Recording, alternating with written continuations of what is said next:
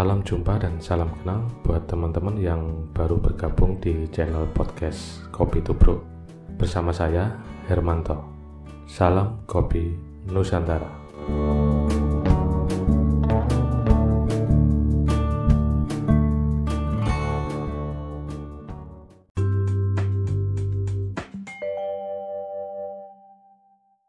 Halo, jumpa kembali bersama saya Hermanto di channel podcast Kopi Tubruk.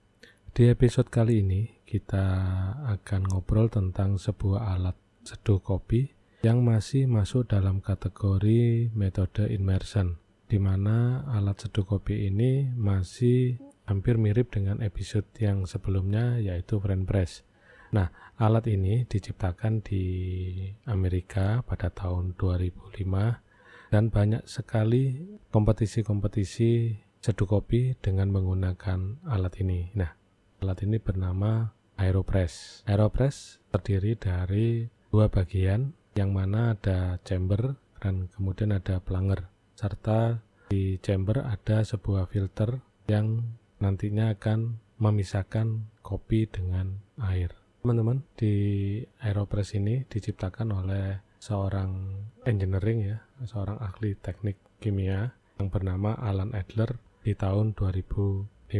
Nah, hasil dari seduh kopi manual dengan menggunakan aeropress ini cukup uh, kompleks secara rasa ya dan aftertaste-nya juga clean. Nah, komposisi yang sangat menonjol pada aeropress ini dibanding dengan alat seduh yang lain adalah ada perbedaan suhu temperatur dari air yang digunakan. Biasanya menggunakan 92 sampai dengan 93 derajat Celcius.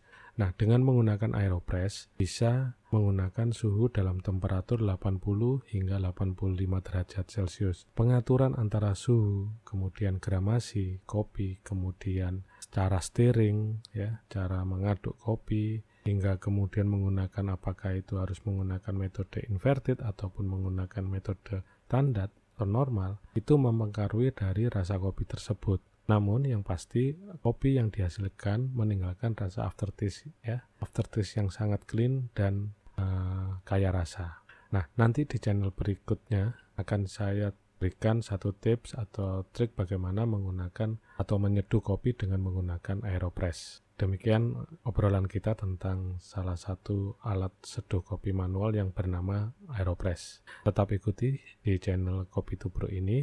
Jangan lupa like, share, dan komen, serta subscribe channel ini agar teman-teman tetap mendapatkan informasi-informasi yang terbaru dari saya.